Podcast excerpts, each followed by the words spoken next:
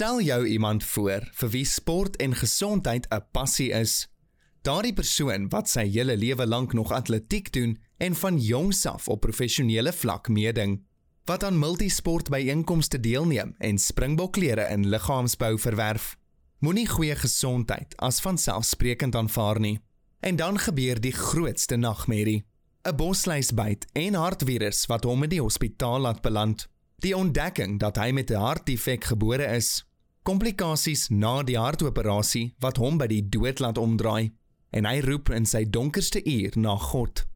Daardie persoon was ek wat toe wonderbaarlik genees is, maar 'n moeilike pad het gevolg met 'n liggaam wat nou 20 kg ligter was, meestal spiermassa en 'n hartvirus wat net nie heeltemal wou wyk nie. Om as eens gesonde mens soveel medikasie te moes gebruik, was moeilik om te verwerk. 'n Motorfietsongeluk was die laaste strooi. Ek het 'n kopskuif gemaak en al die medikasie gelos. Dit was 2 of 3 moeilike maande waardeur die Here my gehelp het. Dit alles het my opnuut laat besef ons aanvaar gesondheid en die belangrikheid daarvan te veel as vanselfsprekend. Oefening en 'n gesonde dieet is 'n wen kombinasie. As jy oefen, word goedvoelhormone vrygestel.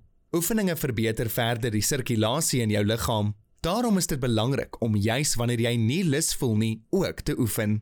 Konsekwentheid is belangrik as jy met 'n oefenprogram begin of iemand kies om jou te help. Beserings kan entoesiasme egter erg kelder. Kry daarom iemand wat die simmetriese lyn van jou lyf verstaan. So 'n persoon sal sommer vinnig kan sien waaraan jy moet werk en vir jou 'n program daarvolgens uitwerk.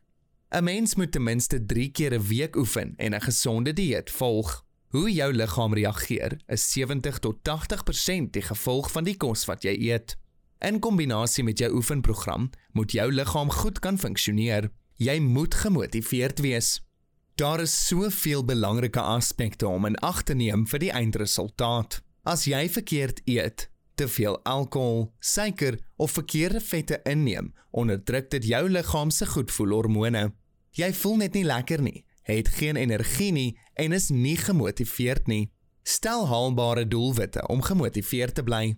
Met dit alles in gedagte, moet jy 'n lysie met tikboxes hê van die kos wat jy eet, jou oefenprogram, jou hormoonvlakke, insulienvlakke tot jou cholesterol. Sommige medikasie maak dit ook moeiliker om gewig te verloor. Neem die regte aanvullings.